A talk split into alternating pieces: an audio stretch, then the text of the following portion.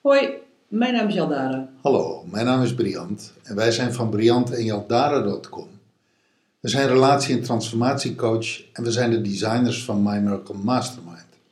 En vandaag zitten we op dag 2 binnen het transformatiegebied van zelfliefde. En dag 2 gaat over hulpvragen. Ja, ehm, dat is eigenlijk het aspect van zelfliefde waar je gevangen zit in dat wat donker is, dat wat pijn doet, dat wat niet werkt in je leven. Het aspect van gevangen zitten en daar eigenlijk muurvast in zitten.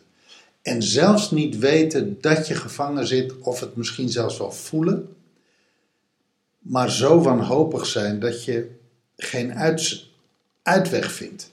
De depressie, de wanhoop. Dat soort aspecten eh, in het spectrum van zelfliefde zit je dan helemaal aan het spectrum waar geen zelfliefde is, waar zelfs geen licht is en waar je ook geen licht ziet aan het eind van de tunnel. Maar het is ook het aspect van, eh, als jij dat zegt, misschien niet, eh, ehm, van het niet geleerd hebben.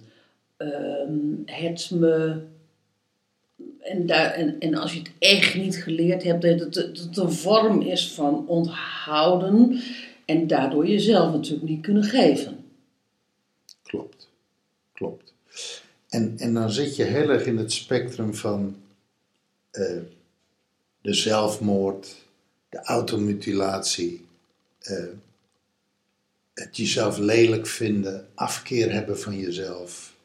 eh, die hele diepe gevoelens van vervreemd zijn van jezelf en, en eigenlijk jezelf haten bijna. Nou ja, dan kom je dus in de balans van zelfliefde en zelfhaat. Ja. En daar zit natuurlijk een heel groot spectrum tussen, hè? Van, van alle grijstinten.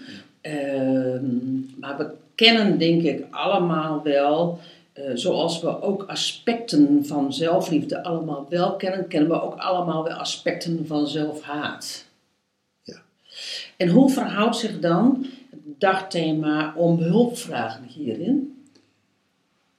Nou ja, als je nou, als je dat, als je, als je die, die zelfhaat, als je dat ziet als een vorm van gevangenschap. Ik zit gekooid, ik ben gevangen. En ik wil daar uitbreken. Of ik moet daar uitbreken. Maar ik heb het niet geleerd, ik weet niet hoe het moet. Eh, ik zit muurvast in die depressie, ik zit muurvast in die gevoelens van zelfhaat, dan is het bijna, jij moet jouw hand reiken, uitreiken en zeggen help mij. Maar er is eigenlijk ook een ander die jou de hand moet reiken en moet zeggen kom maar, ik help jou. Nou ja, dat is natuurlijk wat wij binnen coaching heel vaak zien. Dat, die, dat mensen in hun fysiologie zitten, hè, zoals wij dat dan zeggen. Dat is in, in die lichaamsbeleving, het is bijna lichaamsbevanging. Eh, Lichaam, lichaamshypnose. Eh, ja, li- lichaamshypnose. Waar, waarin je. Eh, waar, De, de term, hè, de psychologische term is ook freeze. Je zit letterlijk, je zit een soort bevroren in een, in een gebied eh, eh, waar jouw lichaam je als het ware vasthoudt in dat gebied. ja, dat is ook waarom ik het beva- be- bevangen, lichaamsbevangen Ja. En daar horen ook de mantra's bij. Hè? Voortdurend, je houdt jezelf eigenlijk voortdurend in die gevangenschap door, door de manier waarop je naar de wereld kijkt en door de woorden die je zegt. Ik ben lelijk, eh, ik, kan dit niet, ik durf dit niet, ik weet niet hoe ik dit moet doen. Eh, ik kan niks, ik ben niks. eh, voortdurend mantra's waarmee je jezelf in die zelfgeschapen gevangenis houdt. Ja, want dat, dat is natuurlijk ook wel een aspect ervan. Het, het, slachtofferschap in dit stuk, omdat je het niet kent. En het daderschap aan de andere kant, omdat je het in stand houdt.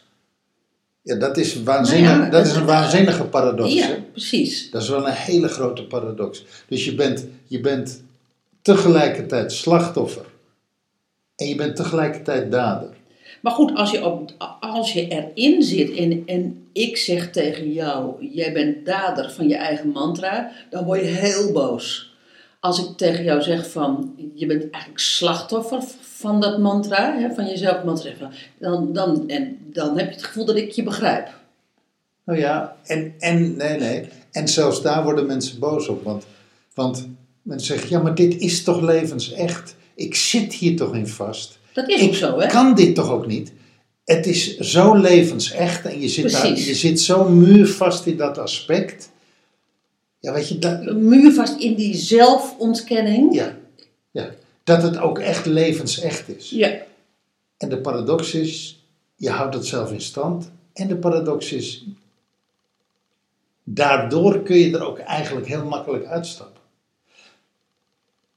En om dat alleen te doen, dat is eigenlijk een, dat, dan vraag je eigenlijk te veel van iemand. Nee, maar dat, Dat is eigenlijk- echt niet mogelijk. Eigenlijk moet, je iemand, eh, moet iemand dan daar hulp bij krijgen. Ja, en dan zeg jij van het is de hand uitreiken zodat de ander je hand kan pakken. En dan kom ik terug bij gisteren. En ehm, dan is het dus van belang om werkelijk je hand uit te reiken. En niet je hand uit te reiken als een soort, nou help mij maar en doe het maar aan mij. Dus dat je niet bepaalde smoesjes ten tonele gaat brengen. De vraag, degene die om hulp vraagt, Ja. bedoel je, Ja, die moet dan ook daadwerkelijk bereid zijn nou ja, je moet echt hulp om, vragen. om de reis te maken. Het- je moet hulp vragen. Als je, kijk, als, je, als je zegt van help mij, dat is überhaupt natuurlijk gewoon om hulp vragen. Als je dan de helpende hand krijgt, moet je niet de hand wegslaan. Nou, dat zie je, het- maar dat, als systeem zie je dat natuurlijk vaak. Ja, ja, maar goed, dat is in, als jij het hebt over zelfontkenning en als je het hebt over mantra's en, en het dus het vasthouden van die zelfontkenning, dan zie je ook dat je risico loopt dat als iemand jou hulp geeft, of als iemand jou de reikende hand geeft, dat je zegt van ja, maar dat is niet voor mij hoor. Want dat zit namelijk in dat mantra. Ja. Dat zit in dat mantra van Ja, zelfontkenning. dus dat is ook weer de paradox van die gevangenschap. Ja, Maar er is, er is iets anders, en dat zie je ook heel veel als fenomeen. Ehm, vaak worden mensen met een soort schok toch eh, uit die situatie geramd. Een auto-ongeluk, een zware ziekte, eh, het overlijden van een dierbare. Opeens een hele traumatische externe ervaring ja. die jou als het ware wakker schudt en als het ware uit die vries trekt. En die eigenlijk ook zegt van, en nou is het klaar.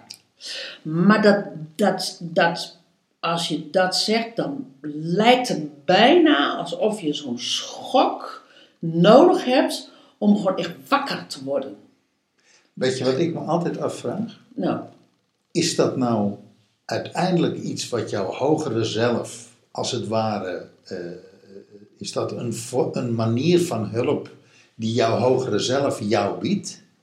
Of zou er toch zoiets bestaan als een God die dat eh, voor je regelt? Ik stel voor dat, dat jij en de luisteraar daar zelf het antwoord op geeft. Ja, ja ik, ik, ik, het was niet mijn intentie om, die, om daar een antwoord op te geven. Maar dat vraag ik me altijd af. Wie creëert nou zo'n schok, zo'n wakker wordt moment? Creëer je dat uiteindelijk zelf? Of wordt dat extern voor jou gecreëerd door een hogere macht? Nou ja, de, de, zin existence, existence takes care Ja, mooi hè? is er niet voor niks. En, Wat dan existence is, dat weet dan niemand. Ja, plus wa- wat je denk, waar, waar je denk ik ook antwoord, ehm, er antwoord mee krijgt, is als jij, ehm, als jij de finish van je leven verder legt dan je leven, dan. Kun je die, kun je die Ja, ja, dat ga, ik- ga ik zo uitleggen, maar ik ga het eerst even vertellen. Als je de finish ehm, van je leven verder legt dan je leven, zul je zien wat de les is waarvoor je hier bent. En daar bedoel ik mee, ehm, eh, marathonlopers die 42 kilometer of zo lopen, hè? 42, komma nog wat. Ja. Ehm, wil je het volhouden, dan moet je eigenlijk de finish eh, later leggen dan die 42, komma nog wat. 43 of 44 Ja, ik, ik niet. Dat wordt echt gezegd. Want dat is ook bij deadlines. Als jij lanceringen, hè, als je in het kader van ons online eh, ondernemerschap, als je, dus de, als je dus de datum later voor jezelf legt dan de deadline. De deadline is wel de deadline, maar als je de finish later legt, dan hou je het makkelijker vol. En dan kan je, dan hou je het makkelijker vol. Maar ik denk als je, je de finish van je leven later legt, dan kan je zien welke levenslessen je hier moet nemen. Want waarom is er soms aan het, is die schok, die schok is vaak ook in de tweede helft van je leven. Vaak niet in de eerste helft van je leven. Ja, klopt. Dat, in, in, ik, denk Dat dat, is- ik denk dat je dat wel zo kunt stellen. Dus als die in de tweede helft van je leven is, dan moet je dus verder kijken van waarom komt die schok nu? En wat is je antwoord? Voor iedereen natuurlijk verschillend. Nou, ik denk dat het te maken heeft met levenslessen. Dat je die toch Eh, als je die schok echt krijgt, te pakken hebt. als je die schok echt krijgt, waardoor jij het pad van zelfliefde opgaat, want we zitten in het thema van zelfliefde. Eh, als je het pad van zelfliefde opgaat, CQ op moet, opgestuurd wordt, moet tussen aanhalingstekens, maar dus opgestuurd wordt, dan zit daar vaak toch een levensles. Die je goed, goed te pakken hebt. Nou, dan zit daar vaak een levensles waar je dan eh, op dat moment kan besluiten: pak ik hem of pak ik hem niet? Er zijn ook mensen die hem niet pakken. Daar heb ik geen oordeel over hoor. Alleen ik zie het wel. En als je hem pakt, dan is dat, dan is dat vaak de reis ehm, eh, waarvan mensen achteraf zeggen van, Toen begon mijn leven. precies, Toen, ging ik, toen begon mijn reis naar binnen. toen, begon, toen kreeg ik inzicht op dit. Toen werd dit en dat ineens waardevol. Toen zag ik ineens wat ik al die tijd daarvoor niet zag. Al die zinnen, en dan veel specifieker wordt het dan vaak gezegd. Dat is het pad van zelfliefde. Dat is het pad naar binnen gaan. Dat is het pad naar ehm, werkelijk in connectie komen met jezelf. En daardoor met de ander. Oh, leuk, want dat is volgens mij het thema van morgen. Nou, dan eh, eh, is het een goed moment om, eh, om nu af te sluiten en de, de, de luisteraar eh, te teasen naar morgen. Dankjewel voor het luisteren en tot morgen. Tot morgen.